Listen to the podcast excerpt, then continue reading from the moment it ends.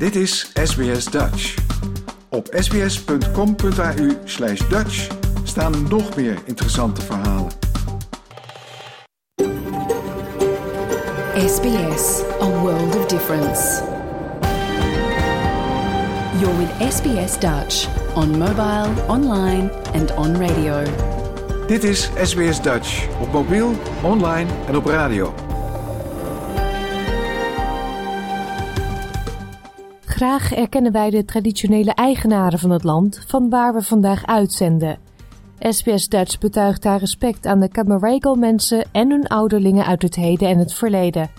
Ook erkennen we de traditionele eigenaren van alle Aboriginal en Torres Strait Islander landen van waar u vandaag naar ons programma luistert.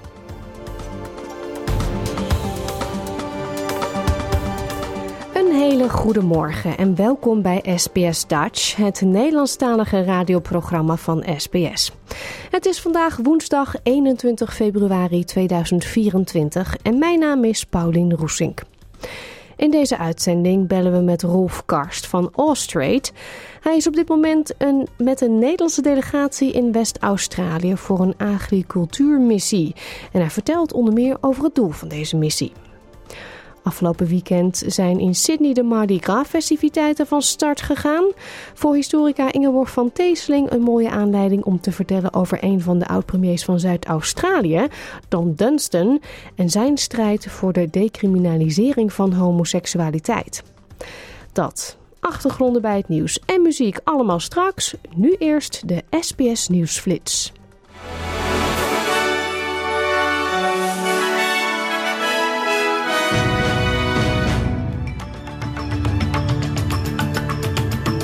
Dit is de SBS Nieuwsflits van woensdag 21 februari. Mijn naam is Paulien Roesink. Wikileaks-oprichter Julian Assange was vanwege ziekte gisteren afwezig bij een rechtbank in Londen. De advocaten van Assange gingen ondanks zijn afwezigheid in beroep tegen zijn uitlevering aan de Verenigde Staten, waar hij tot 175 jaar gevangenisstraf riskeert wegens spionagebeschuldigingen. Brett Monducci, de grote baas van de Woolworths Group, vertrekt in september. Hij zal worden vervangen door Amanda Bardwell, de huidige algemeen directeur van de e-commerce tak van de supermarktgroep. Monducci werkte 13 jaar bij de groep, waarvan 8,5 jaar als CEO. De familie van de Australische schrijver Yang Heng-jung zegt dat hij niet in beroep gaat tegen de voorwaardelijke doodstraf die hem werd opgelegd door een Chinese rechtbank. Volgens de familie zouden verdere juridische stappen schadelijk zijn voor zijn welzijn. De Verenigde Staten hebben hun veto uitgesproken over een door de Arabische landen gesteunde VN-resolutie, waarin een onmiddellijk humanitair staakt het vuren tussen Israël en Hamas werd geëist. De stemming in de uit 15 leden bestaande Veiligheidsraad was 13 tegen 1. Groot-Brittannië onthield zich van stemming. Amerika zegt dat ze aanvullende grote sancties tegen Rusland voorbereiden als reactie op de dood van oppositieleider Alexei Navalny in een strafkolonie in het Noordpoolgebied. Woordvoerder van de Nationale Veiligheidsraad John Kirby zegt dat de nieuwe sancties later deze week zullen worden onthuld. En het wonen in sharehouses groeit door de krappe huurmarkt en hoge kosten van levensonderhoud. Huiseigenaren voelen zich hierdoor genoodzaakt om logeerkamers te verhuren. Flatmates, de website voor gedeelde accommodatie, ziet dat het aanbod met 18,8% is toegenomen ten opzichte van een jaar geleden. Maar ondanks die stijging is de vraag naar kamers nog steeds veel groter dan het aanbod. Het COA, het Centraal Orgaan Opvang Asielzoekers in Nederland, probeert met tijdelijke oplossingen zich vanaf donderdag te houden aan het maximum van 2000 asielzoekers in het aanmeldcentrum in Ter Apel. De gemeente Westerwolde, waar Ter Apel onder valt, had dat in een kort geding geëist omdat het aantal van 2000 al maanden met enkele honderden mensen wordt overschreden. De rechter gaf de gemeente gelijk. Een deel van de mensen wordt verplaatst naar de opvang in Biddinghuizen. En ook op andere plekken in Nederland worden asielzoekers ondergebracht. Tot zover deze nieuwsflits. Volg de SBS Dutch podcast voor meer nieuws en achtergronden. Of bezoek onze website www.sbs.com.au Dutch.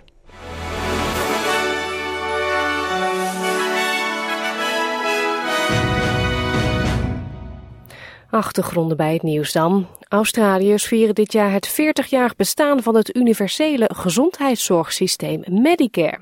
Maar velen van hen begrijpen niet hoe het werkt.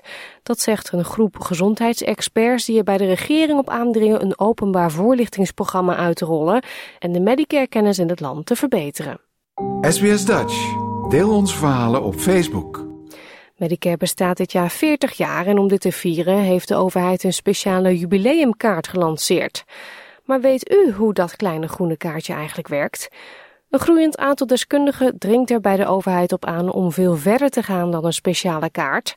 Topinstanties die zorgconsumenten en medische professionals vertegenwoordigen, zeggen dat de overheid een voorlichtingsprogramma over het gezondheidssysteem moet financieren. U hoort Dr. Elizabeth Devaney, de Chief Executive Officer van Consumers Health Forum of Australia, kortweg CHF. The healthcare system is critical to all Australians. We pay for it through our taxes or our Medicare levy or our private health insurance or our out of pockets or through buying our medicines or through the petrol it takes to get to the appointments or the time we take off work. It's our health and we have a right to understand what our tax dollar is buying and how we can best use it. Toen Medicare 40 jaar geleden voor het eerst werd uitgerold, was er volgens Dr. Devaney een publieke discussie over hoe het nieuwe gezondheidszorgsysteem zou werken. It was in the papers, people understood what its intent was and how they might access it. And indeed, when Medicare first came in, the government funded people whose job it was to go out into communities and be available to explain it to you. Hey, we've got this new thing, it's called Medicare. This is how it works. You're going to get a card, this is how you use it, this is what it pays for. Maar ze zegt dat jongere mensen en degenen die na 1984 in Australië zijn aangekomen, die voorlichting niet hebben gehad. So they just grow up with Medicare. And the thing is that no one teaches you how it works. We don't teach it in schools. Indeed, even clinicians say that when they finish their training and start working, they discover there are things about Medicare that they didn't understand. CHF is bezorgd dat de gebrekkige kennis van Australiërs over het systeem ervoor zorgt dat mensen voordelen mislopen en meer betalen voor gezondheidszorg. Hun zorgen worden gedeeld door het Royal Australian College of General Practitioners, dat een verklaring heeft uitgegeven waarin wordt opgeroepen tot meer gezondheidsgeletterdheid, met name over Medicare. Beide organisaties beweren dat in een tijd waarin veel mensen moeite hebben met rondkomen door stijgende kosten van levensonderhoud, het voor Australiërs belangrijker dan ooit is om te weten dat ze recht hebben op gratis en gesubsidieerde gezondheidszorg. Volgens het Australische Bureau voor de Statistiek steeg het percentage mensen dat vanwege de kosten een bezoek aan de huisarts uitstelde of helemaal niet naar de huisarts ging vorig jaar tot 30 procent. Zorgwekkend genoeg sloegen mensen met langdurige gezondheidsproblemen een bezoek aan de huisarts sneller over dan anderen. Dr. Devaney zegt dat het juist die mensen zijn die het meeste baat hebben bij betere voorlichting. In the pharmaceutical benefit scheme, we have this thing called a safety net. We have it in Medicare too. When you've spent a certain amount of money in Medicare, the government tells you you've spent a certain amount of money, things will be cheaper for you now. And when you get your medicines, the same schemes, uh, the same kind of scheme applies. So we have a safety net for your um, government funded medicines. But when you hit the limit, nobody tells you. So we're pretty confident that there are Australians who have chronic disease, who've spent a lot of money on medicines, and who don't realise that actually they're past the threshold and the cost of their medicines should have been reduced or indeed free. CFH zou graag zien dat de ingewikkelde kortingsprocessen geautomatiseerd en flexibeler worden gemaakt voor individuen. Maar dokter Devaney benadrukt dat eenvoudige oplossingen vaak gepaard gaan met voorlichting. Ze zegt bijvoorbeeld dat veel mensen niet weten dat ze hun huisarts om bulkbilling kunnen vragen, ook al is dat niet de normale procedure van de praktijk. Zelfs als de arts geen volledig gereduceerde service kan bieden, zal hij de patiënt in contact brengen met andere diensten die dat wel kunnen. Dr. Devaki Monani is hoofddocent sociaal werk aan de Charles Darwin Universiteit. Ze zegt dat onderwijsprogramma's ook rekening moeten houden met de politieke en culturele context van migranten. Niet alleen in hun vorige land, maar ook in Australië. There is some sort of a challenge when we uh, put in all culturally and linguistically diverse communities or where or when we blanket a statement saying migrants Uh, the issue is that Medicare is eligibility is actually dependent on your visa status. Dr. Monani zegt dat taal ook een groot probleem kan zijn in de gezondheidszorg en bij het communiceren van boodschappen over de volksgezondheid. Maar ze wijst erop dat het niet alleen om de gebruikte woorden gaat, maar ook om het bieden van een kader.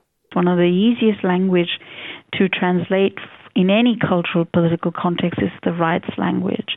To say our rights are universal, particularly if you're in a democracy um, like Australia. And so this reminder constantly that as a migrant, you're now settled in a democratic uh, rights based welfare system. And I think that's not communicated effectively. Migrants kind of feel they kind of live in fear, and particularly those who are temporary migrants.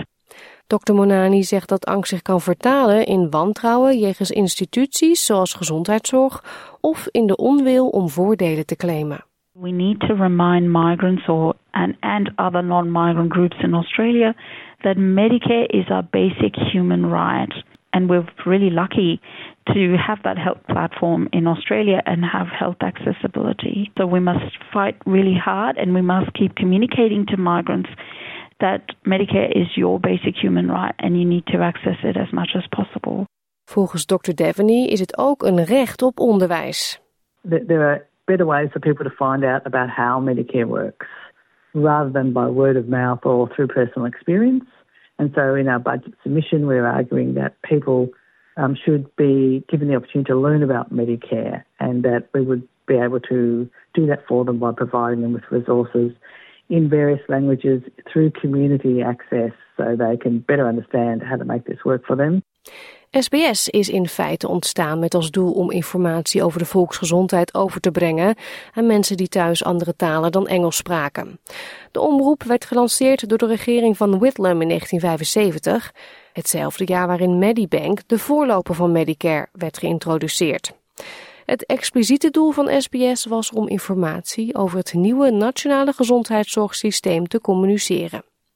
Op de 45ste verjaardag van SBS in 2020 keek voormalig directeur Michael Abaid terug op de rol van de omroeporganisatie. It was a really good policy decision by the then government to set this up to help unite migrants in Australia and to help people understand what it is to be Australian and the fabric of Australia.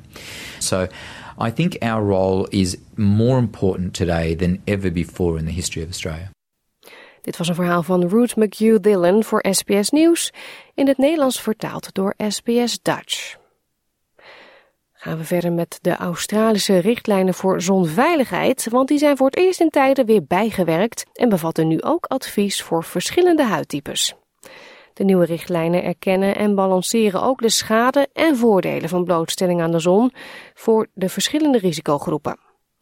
Van het binnenkrijgen van voldoende vitamine D en UV tot het verminderen van het risico op een melanoom. Iedereen kan er iets van opsteken. Slap, slap, You can stop skin cancer, slap. Slip, slap, slap. Slap, slap. It's so simple. In 1981 werden Australiërs voor het eerst geadviseerd door Sid de zeemeeuw. Hij vertelde om lange mouwen aan te trekken, zonnebrandcrème op te smeren en een hoed op te zetten. In 2007 werden twee aanbevelingen toegevoegd. Zoek de schaduw op en zet een zonnebril op om je ogen te beschermen. En nu zijn de richtlijnen dus voor het eerst bijgewerkt met advies voor verschillende huidtypes. Het nieuwe standpunt werd opgesteld door het medische onderzoeksinstituut QIMR Berghofer in Brisbane en wordt onderschreven door gezondheidsinstanties, waaronder de Cancer Council Australia. Zoals professor Rachel Neal, Principal Research Fellow van het onderzoek uitlegt, verdeelt het nieuwe advies mensen in drie groepen. People with very deeply pigmented skin um, are at very low risk of getting skin cancer caused by the sun. But a higher risk of vitamin D deficiency and not getting the other benefits. So for those people, we advise getting some time outdoors during the day and that routine sun protection is not required. At the other end of the spectrum, there are people who are at very high risk of skin cancer because they're very pale or they've got other risk factors. For those people, we recommend keeping fully covered when outdoors. If they do that, they run the risk of being vitamin D deficient. Um, so they will need to discuss their vitamin D requirements with their doctor. De derde groep bestaat uit mensen met een donkerder witte, olijfkleurige of lichtbruine huid met een gemiddeld risico op huidkanker. Voor die groep luidt het advies om routinematig zonnebrandcrème te gebruiken, maar ook om op de meeste dagen van de week wat tijd buitenshuis door te brengen om de vitamine D in het lichaam op peil te houden en te profiteren van andere voordelen die blootstelling aan de zon geeft. Professor Anne Sast is voorzitter van het Nationale Huidkankercomité van de Cancer Council. Centraal in het advies staat volgens haar de erkenning dat blootstelling aan de zon zowel schadelijk als gunstig voor de gezondheid kan zijn en dat de risico's voor iedereen verschillend zijn. Australia has the highest rate of skin cancer in the world. So that that is a key priority for us to, you know, reduce the amount of skin cancer that people are developing. Um, but we do know that the sun also brings some benefits. It can uh, help your body to produce vitamin D. It can help um, with your eyesight and um, with mental health. So it's important that we get the balance right. Zoals professor Niel uitlegt, is er steeds meer bewijs met betrekking tot de gezondheidsvoordelen van vitamine D. Dat helpt bij de opname van calcium en bij blootstelling aan de zon in het algemeen. We've known for quite a long time that vitamin D is very important for our bones. But we've got more evidence now showing its importance, particularly for uh, the immune system and therefore diseases related to the immune system, both infectious disease outcomes and then autoimmune disease outcomes like, like multiple sclerosis and other things. Um, but we also now have more information suggesting that independently of vitamin D, the sun might have some benefits, which is why just taking a vitamin D supplement is not necessarily the optimal approach for everybody. Professor Suss zegt dat het nieuwe advies meer nauwkeurig is over hoeveel tijd je in de zon moet doorbrengen om je vitamine D binnen te krijgen, afhankelijk van locatie, de tijd van het jaar en huidtype. Anecdotally, you know, I often hear people talking about, I'll go outside, get some vitamin D. Uh, but people don't really know, you know, how much time you need to spend out outdoors. And in spring and summer, in most parts of Australia, you only need a few minutes outside to get sufficient levels of vitamin D. Whereas if you live in Tasmania, in, in, in winter, you, you might need a fair bit longer depending on your skin type. Het advies van zowel professor Neil als professor Sust aan de meerderheid van de Australiërs is om zonnebrandcrème aan te brengen wanneer de UV-index, die kan worden gecontroleerd op de SunSmart app van de Cancer Council, boven de 3 komt. En eigenlijk is dat bijna het hele jaar het geval in de meeste delen van Australië. Het 44 pagina tellende advies is op dit moment bedoeld om artsen te helpen bij het adviseren van hun patiënten over hun eigen plan van aanpak omtrent zonveiligheid. Maar Cancer Council Australia en de auteurs van de richtlijnen werken ook aan vertalingen voor diegene die het advies in een andere taal nodig heeft. Als u niet zeker weet in welke huidtype u past of hoe u veilig in de zon kunt verblijven, is het advies om voorzichtig te zijn en uw huisarts te raadplegen. Professor Nieuw erkent dat regelmatige blootstelling aan de zon voor sommige groepen geen optie is. We completely recognize that that's not always possible. Um, because some people wear clothing that fully covers their skin for a range of reasons. Um, might be occupational reasons, it might be cultural reasons.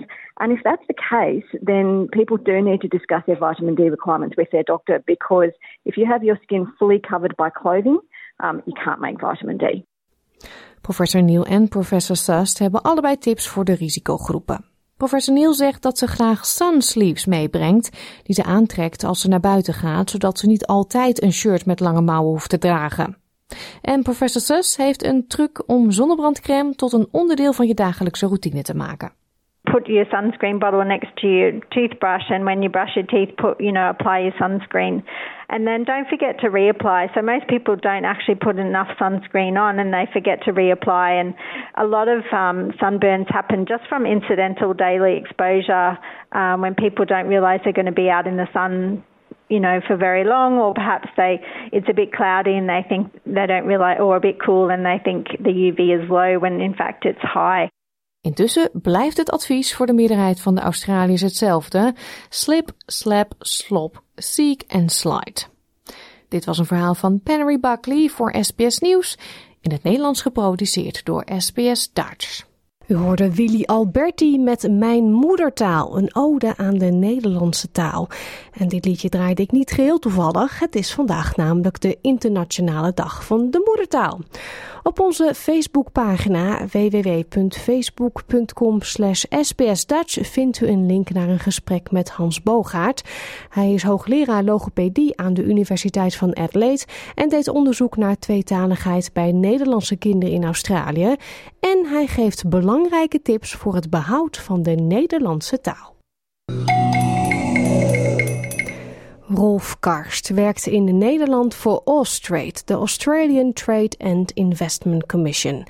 Op dit moment is hij op bezoek hier in Perth in WA met een Nederlandse delegatie voor een agricultuurmissie. De groep bezoekt onder meer het Evoke AG-event. Gistermiddag belden wij met Rolf om te horen wat precies het doel is van de missie en of hij al mogelijke samenwerkingen heeft zien ontstaan.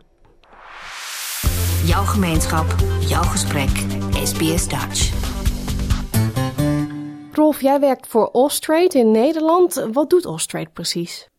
Uh, Austrade staat voor uh, Australian Trade and Investment Commission. En eigenlijk hebben wij in Nederland uh, twee hoofddoelen. enerzijds proberen wij voor Australische exporteurs, klanten, distributeurs en partners in Nederland te vinden. En dat is met name gericht op producten uit de landbouw. Uh, wat we onder andere zien is dat er tegen seizoenen in bepaalde producten vanuit Australië naar Nederland worden geëxporteerd. Um, en denk daarbij bijvoorbeeld aan uh, verrassende dingen als uien. Er worden momenteel veel uien uit Australië gehaald vanuit Nederland. Uh, maar ook andere dingen zoals wijn, vlees bijvoorbeeld en, en zacht fruit. Het zijn met name de meer premium producten verder die, die in Nederland hun weg vinden. Dus dat is de ene kant van het, van het werk. een collega van mij in Amsterdam doet dat. Mijn werk houdt zich meer bezig met het aantrekken van Nederlandse bedrijven die bepaalde kennis en kunde hebben, die we graag in Australië zouden, zouden willen zien landen, zoals we dat noemen. Oftewel dat zij daar een entiteit op zetten, een operatie, wellicht een eigen fabriek als het om productie gaat, om daarmee niet alleen de kennis en kunde naar Australië te halen, maar ook de economische groei te realiseren die, die we natuurlijk nodig hebben hier in Australië uh, en de banencreatie die daarbij hoort. Dus in de basis wordt het gestuurd door de, prioriteiten die de overheid stelt. En momenteel zijn dat uh, allerlei prioriteiten die gedreven zijn rondom net zero, hè, het terugdringen van emissies. En dat terugdringen van emissies vind je niet alleen in duurzame energie, maar bijvoorbeeld ook in andere sectoren, zoals waar we het uh, tijdens dit bezoek over hebben, het land- en tuinbouw. Uh, een veel uitstotende industrie. 17% van de uitstoot in Australië komt vanuit de land- en tuinbouw. en daar willen we natuurlijk graag mooie stappen maken. Nederlandse bedrijven hebben gewoon de kennis en kunde in huis, om daarbij een, eh, een, positieve input te kunnen, kunnen leveren. Ja, die zijn dus al een stapje verder als ik jou zo hoor. Nou, eh, op bepaalde vlakken wellicht wel in Nederland. Kijk, Nederland is natuurlijk een groot exporteur van, uh, van agri-producten. Misschien weet, weten jullie dat, maar de tweede exporteur ter wereld van, uh, van agri-producten. Uh, nummer 1 is Amerika.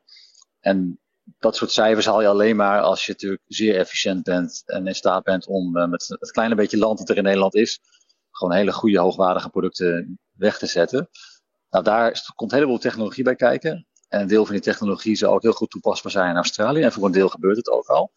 En het is aan ons vanuit Austrade om te kijken naar de pareltjes in die markt en die bedrijven te interesseren om ook naar, uh, naar Australië te komen, voor zover ze dat niet al doen. En dat is ook de reden dat we deze week in, uh, in Perth zijn voor, uh, voor Evoke Act. Ja, in Perth in West-Australië met een Nederlandse delegatie. Dat noemen ze dan een missie, een agricultuurmissie in dit geval. Uh, hoe ziet dat dan eruit? Jullie hebben vertegenwoordigers van Nederlandse bedrijven meegenomen dus naar Australië. En bezoeken jullie bedrijven of instanties? Of zijn er allemaal lezingen, netwerkevents? Ja, goede vraag. Kijk, de, de basis van, uh, van het bezoek is, uh, is Evoke. Evoke is een uh, grote conferentie in Australië met ongeveer 2000 deelnemers. Op goed niveau. Van allerlei, zoals je dat met een slecht Nederlands woord zegt, stakeholders in de industrie.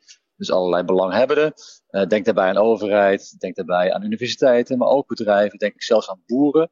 Van alles loopt hier rond, investeerders. Dus een hele goede conferentie voor Nederlandse bedrijven om in contact te komen met het hele ecosysteem. En daarom hebben we daar een, uh, een, missie omheen georganiseerd. Dat doen we in samenwerking overigens met het uh, consulaat-generaal in Sydney.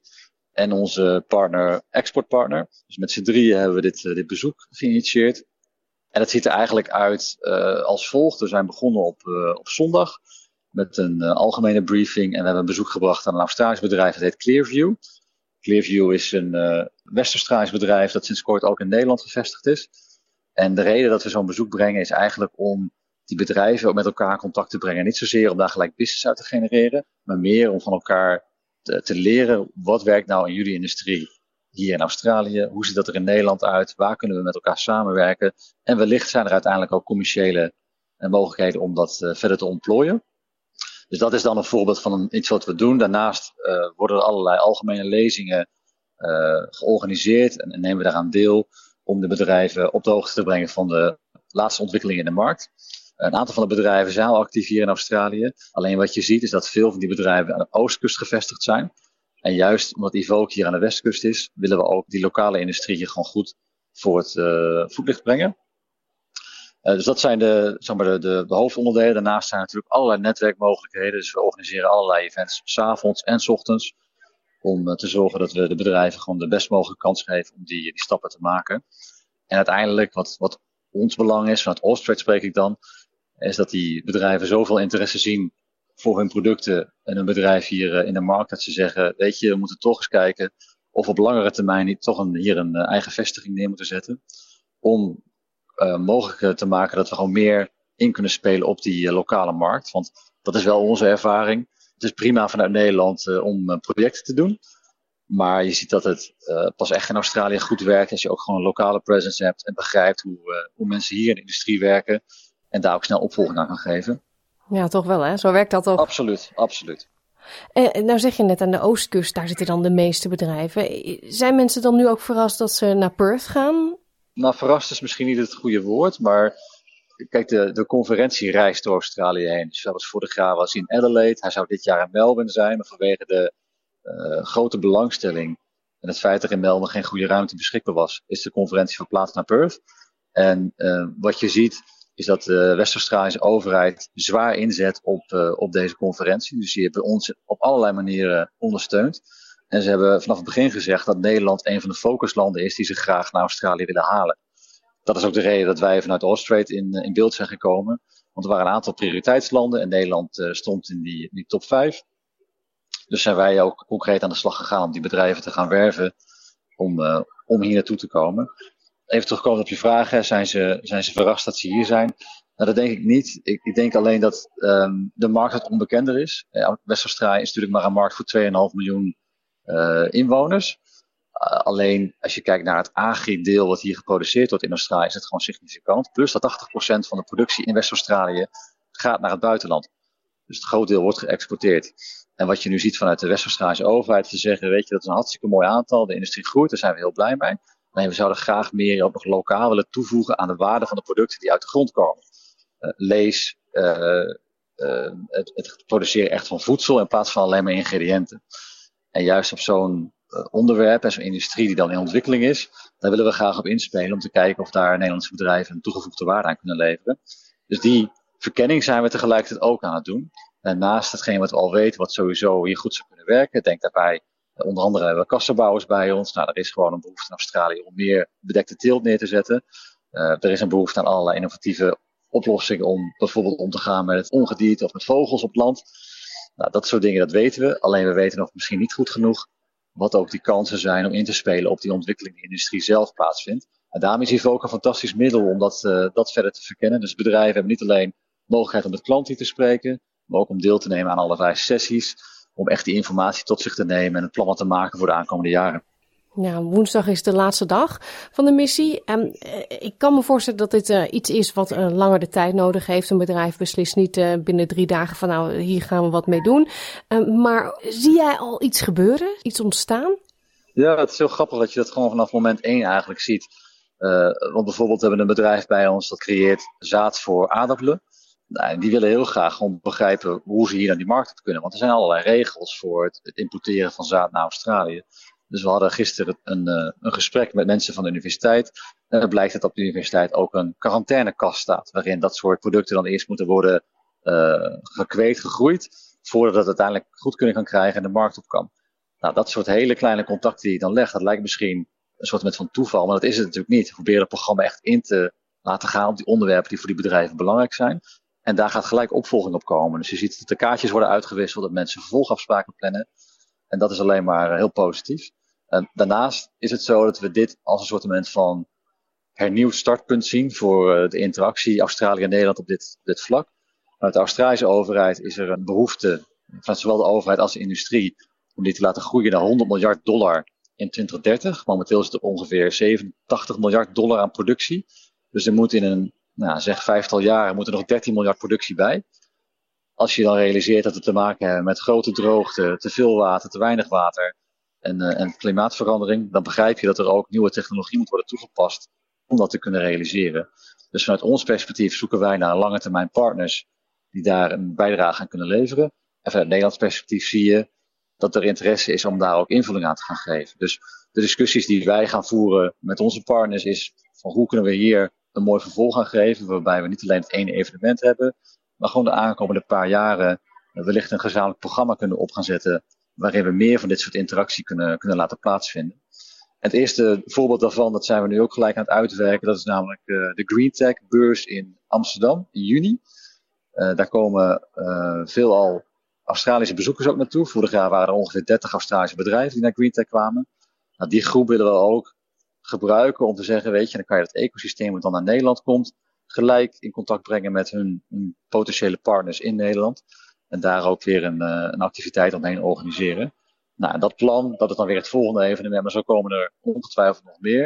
En dat proberen we nu wat meer in structuur aan te brengen, zodat we niet eenmalige activiteiten doen, maar juist gecoördineerd en strategisch kijken om die samenwerking echt verder uh, te laten ontplooien. Reuze interessant natuurlijk. Uh, dankjewel ook voor dit kijkje uh, in de keuken achter de schermen. Want dit zijn toch de kanten die je niet vaak belicht ziet. Dit gebeurt ook achter de schermen tussen landen. Ja, zeker. zeker. En, en al die onderwerpen zijn belangrijk. Kijk, uh, is onderdeel van het Australisch ministerie van Buitenlandse Zaken. Ja, dus wij werken nauw samen met ons team in Den Haag, waar de ambassade zit. Um, ik zit zelf in Amsterdam. En natuurlijk aan de Nederlandse kant zie je dat, uh, dat vergelijkbaar, waarbij ook de economische afdelingen een, een zeer grote rol spelen in die, die relatie. En kijk, het, de uitdaging die wij uh, proberen in te vullen is hoe vertaal je nou de overheidsambities aan beide kanten, en, en in dit geval op statelijk niveau, hoe vertaal je dat nou naar commerciële kansen en hoe trek je het bedrijfsleven daarin mee? Nou, dat is onze rol en dan proberen we in goede samenwerking met elkaar een mooie invulling aan te gaan geven. En ik denk dat die ook gewoon een hele goede eerste start daarvoor is. Uh, maar dit is zeker niet het eindpunt. Het is echt het begin van uh, hopelijk veel meer mooie activiteiten op dit vlak. U hoort een gesprek met Rolf Karst van Austrade over de agricultuurmissie in WA. En we zijn natuurlijk heel benieuwd naar wat voor mooie samenwerkingen hieruit zullen ontstaan. Ik kijk even op de klok. Het is zes over half twaalf en we gaan verder met muziek. Maandag was een bijzondere dag voor zanger Fleming. Hij ontving namelijk als eerste artiest in Nederland een diamanten plaat. De 27-jarige zanger kreeg de plaat voor zijn debuutalbum Fleming, die hij in 2022 uitbracht. Naast een gouden of platinaplaat kunnen artiesten in Nederland sinds 1 januari dit jaar ook onderscheiden worden met een diamantenplaat. Singles moeten daarvoor de 50 miljoen streams halen en albums moeten 200 miljoen keer gestreamd worden. En dat laatste is Fleming dus gelukt. Op het album staat onder meer het nummer Amsterdam. Die heb ik hier ook wel eens gedraaid. Maar ook het volgende liedje, Automatisch. Afgelopen weekend is in Sydney Mardi Gras van start gegaan, het grootste Pride Festival in het land. Onze huishistorica Ingeborg van Tezeling vond dit een mooie aanleiding om in, het, om, in onze maandelijkse geschiedenisrubriek Australië tot nu toe dit keer te hebben over Dan Dunstan. Dunstan was eind jaren 60 en bijna de gehele 70s premier van Zuid-Australië en speelde een belangrijke rol in de decriminalisering van homoseksualiteit. Hij werd ook heel erg bekend door een voor een premier wel heel opvallend kledingstuk. SBS Dutch, woensdag en zaterdag om 11 uur ochtends of online op elk gewenst tijdstip. Ik heb gehoord, Don Dunstan is bekend om een roze hotpants, toch? Ja, precies. Nou, dat is echt een, een prachtig verhaal. In uh, november 72, 1972 verscheen opeens de premier van Zuid-Australië, Don Dunstan, dus op de trappen van zijn parlementsgebouw in Adelaide. Hij had een uh, strak wit t-shirt aan, lange witte sokken en inderdaad die felroze hotpants. Hij werd onmiddellijk gefotografeerd natuurlijk en die foto ging de hele wereld over. Want dit was natuurlijk niet wat mensen verstonden onder een leider van een staat. Later bleek dat Dunstans mensen hem zeer hadden afgeraden om in zijn prachtige ensemble naar buiten te gaan. Maar de premier wilde graag een punt maken. En dit vond hij de beste manier. Hij wilde namelijk laten zien dat Zuid-Australië vanaf nu een plek van vrijheid was. Vrijheid voor wat nu eh, LGBTQ plus mensen heet. Van vrouwen en van seks zelfs. En hij wilde laten zien dat Adelaide toch altijd een keurige, licht kleurloze stad klaar was voor een beetje actie. Dus die foto met dansten met een grote grijns was helemaal de bedoeling. De bezem moest door de staat en dit was het symbool. De volgende ochtend allitereerde de plaatselijke krant Dazzling Dan Dunstan Does It Again. Een geweldig voorbeeld van politiek theater was het. Ja, wie was die Don Dunstan eigenlijk? Uh, Dansen was uh, geboren in uh, Fiji in 1929, Australische ouders. Zijn vader werkte in Fiji voor de Adelaide Steamship Company. En een van de meest vormende ervaringen van de jonge Dan was het enorme verschil dat er op het eiland bestond tussen hemzelf en zijn niet-witte vrienden. Don ging naar een hele goede school, waar zijn ouders trouwens geen schoolgeld voor hoefden te betalen. Zoonde in een prachtig huis, hoorde bij de elite, vooral eigenlijk doordat ze wit waren. Zijn niet-witte vrienden werden gediscrimineerd en mochten van alles niet. Don vond dat zelfs als jonge jongen lastig. Ook al omdat hij uit familieverhalen wist dat de Dunstans ooit aan de andere kant van die kloof hadden gestaan. Dons opa was ooit failliet gegaan en had zichzelf daarna omgebracht. Met als gevolg dat zijn oma en haar zes kinderen opeens geen huis en geen inkomen meer hadden. Dus Don wist dat het kon verkeren. En hij had daaraan een goed gevoel voor rechtvaardigheid overgehouden. Toen hij nog op de middelbare school zat, was hij een nette jongen die probeerde om erbij te horen. Maar op de universiteit werd hij opeens geconfronteerd met theater en humanisme en socialisme. Hij werd lid van de Labour-partij en hij trouwde met Gretel Ellis, de dochter van Joodse vluchtelingen uit Duitsland.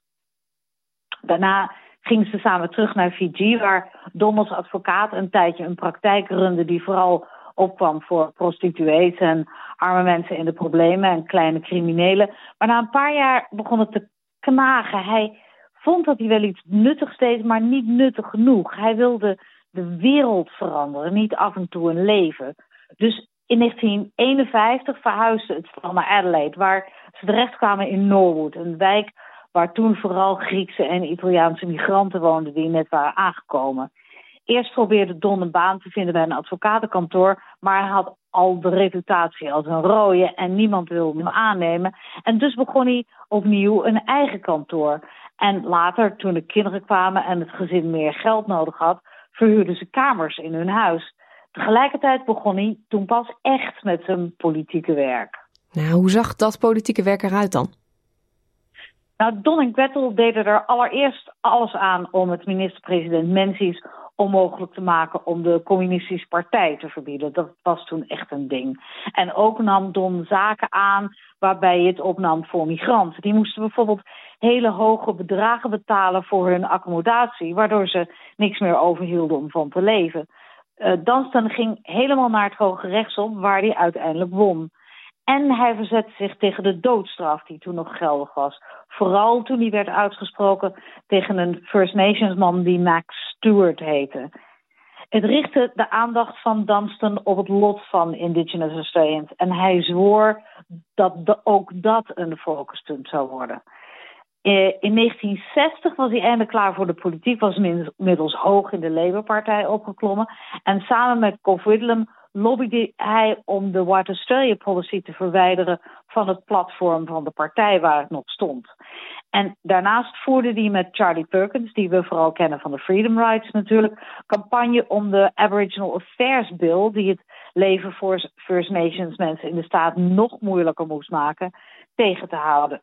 Dat verloren ze trouwens. Maar zodra Dunstan in 65 minister van Aboriginal Affairs en gemeenschapszaken werd, en daarnaast ook procureur-generaal, zette die vaart in de veranderingen. Er kwam gelijke betaling voor vrouwen die bij de overheid werkten. Uitkeringen werden opgeschroefd. First Nations mensen kregen meer bewegingsvrijheid. Werkende mensen meer rechten. Er kwam een Antidiscriminatie Act. En Roma Mitchell werd de eerste vrouwelijke hoogste rechter van het land. En Dunstan werd daarmee zo populair dat hij in 1966 heel even voor het eerst premier werd. Maar niet lang. In de verkiezingen van 68 verloor Labour. Maar in 1970 was de partij terug met Dunstan wederom als premier. Ja, dat klinkt veelbelovend, maar hoe het verder afloopt met Dan Dunstan in de 70s, dat hoort u zo na deze korte break. Ingeborg van Deesling, de historica, vertelde zojuist over de opkomst van Dan Dunstan en zijn drang om de wereld te veranderen. Hij kwam op voor migranten en indigenous Australians en strijdde tegen de doodstraf en belandde uiteindelijk in de politiek. Dat hoorde u net al.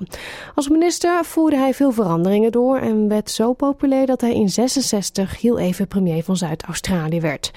In 68 verloor zijn partij de verkiezingen, maar in 1970 kwam het weer aan de macht met opnieuw Don Dunstan als premier. Maar in de, in de 70s was het heel onrustig, ook in de politiek. Dus hoe verliepen die jaren voor Dunstan? Ingeborg pakt het verhaal hier weer op. Ja, het was natuurlijk een soort wisseling van de politieke wacht. En dat zag je bij Dunstan heel goed. Zijn eerste confrontatie was bijvoorbeeld met het hoofd van de politie. Die eh, een van de Vietnam moratorium demonstraties in elkaar had laten slaan. Hoewel Dunstan, zijn premier dus, hem met nadruk had verboden om dat te doen. Er kwam een Royal Commission en de politiecommissaris was gedwongen te vertrekken. En dat maakte Dunstan de vijand van zijn eigen politiemacht. En dat zou niet in de koude kleren gaan zitten. Want in 1972 gebeurde er iets heel ergs in Adelaide. Twee mannen die een seksueel rendezvous hadden bij de rivier werden waarschijnlijk door politiemensen in elkaar geslagen en in het water gegooid. De jongste man kon zwemmen, die overleefde het. De oudste man, George Duncan, een professor aan de universiteit, verdronk. Die zaak kwam drie keer voor de rechter. Maar omdat politiemensen weigerden om getuigenissen af te leggen en elkaar beschermden, kwamen ze ermee weg. Je moet niet vergeten, op dat moment was homoseksualiteit illegaal in Australië. Je kon er de doodstraf voor krijgen of hele lange gevangenisstraffen. Meestal werd je dan ook ontslagen en kreeg je enorme boetes. Dus dit was het hoogtepunt van de Koude Oorlog. En overheden waren ontzettend bang dat uh, homoseksuele mannen een risico zouden zijn voor de staatsveiligheid, omdat ze chantabel zouden zijn. Maralinga was in Zuid-Australië net geselecteerd als plek voor wapentesten. Daar hebben we het al eens een keer eerder over gehad. En dat leidde allemaal tot zoveel paranoia dat de politiecommissaris van New South Wales zei dat homoseksuelen de grootste sociale dreiging van het land waren. Overal in het land werden er nieuwe wetten aangenomen die de politie in staat stelden om mensen te arresteren. Zelfs voor dingen als omgaan met homoseksuelen of het gebruik maken van onfatsoenlijke taal, wat dat dan ook mogen wezen.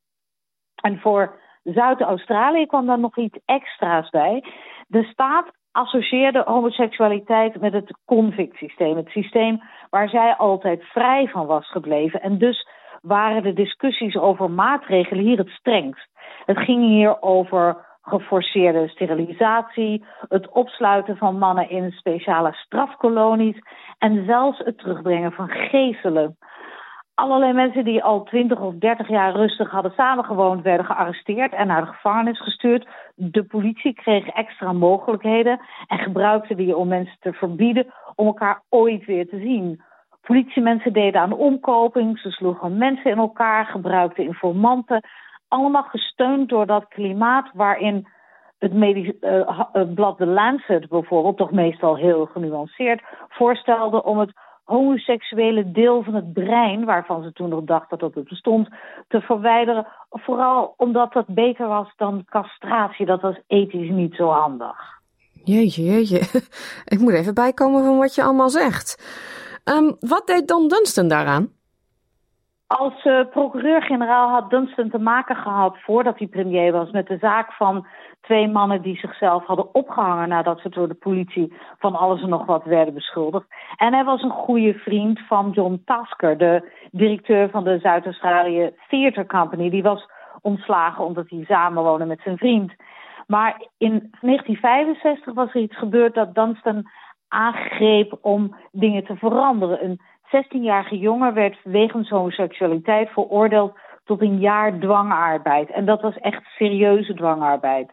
Dunstan probeerde een Royal Commission op te zetten die zich vooral zou gaan bezighouden met het gedrag van de politie. Maar het parlement durfde dat toen niet aan. Maar Dunstan bleef duwen en uiteindelijk kreeg hij in 1975 de kans om van Zuid-Australië de eerste staat te maken waarin homoseksualiteit niet meer strafbaar was. In datzelfde jaar benoemde hij trouwens ook de eerste First Nations man tot gouverneur. Was ook nog nooit eerder gebeurd.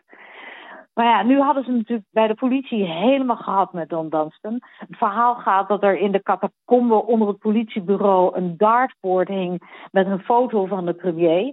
En daar was iedereen natuurlijk darts op aan het gooien.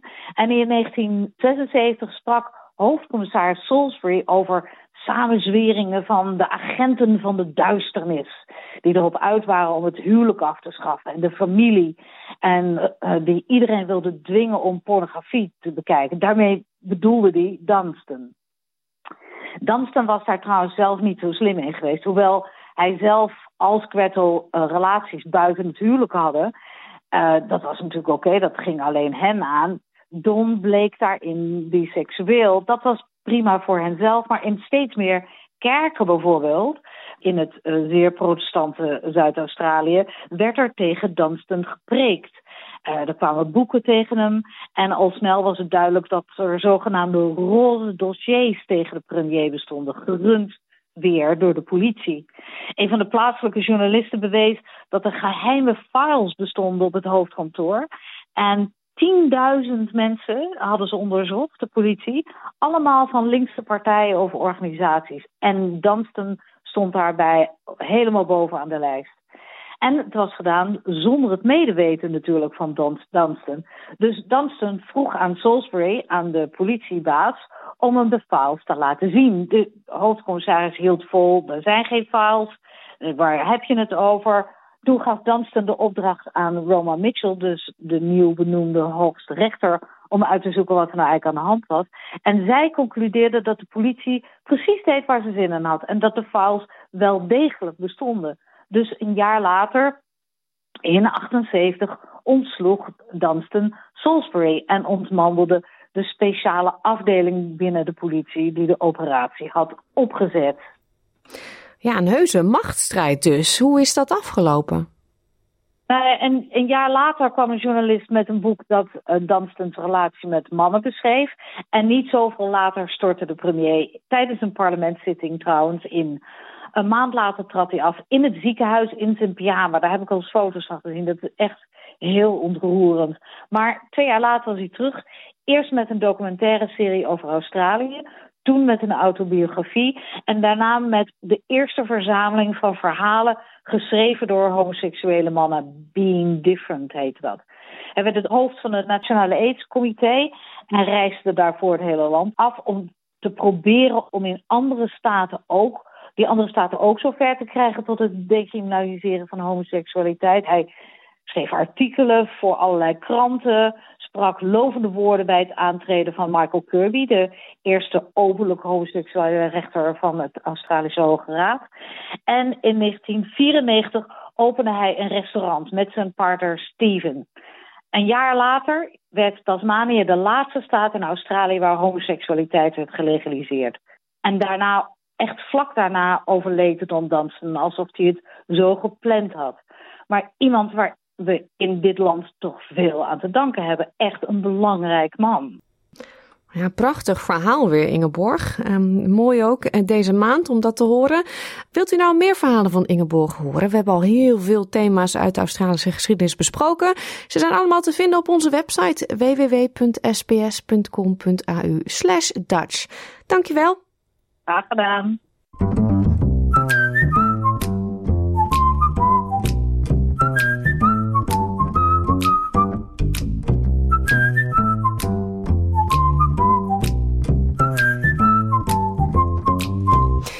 Hiermee zijn we aan het einde gekomen van dit uur SBS Dutch op Radio 2. Op onze website sbs.com.au Dutch kunt u deze aflevering terugluisteren en ook al onze andere gesprekken en podcastseries. Terugluisteren kan ook via de SBS Audio app. Deze is gratis te downloaden in de Apple Store en Google Play. En SBS Dutch is ook present op Facebook. Facebook.com slash SBS Dutch. Geef ons daar een like, praat mee en mis niets.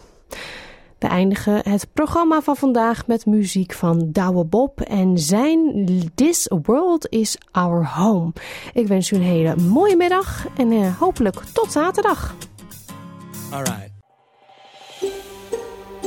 Wil je nog meer soortgelijke verhalen?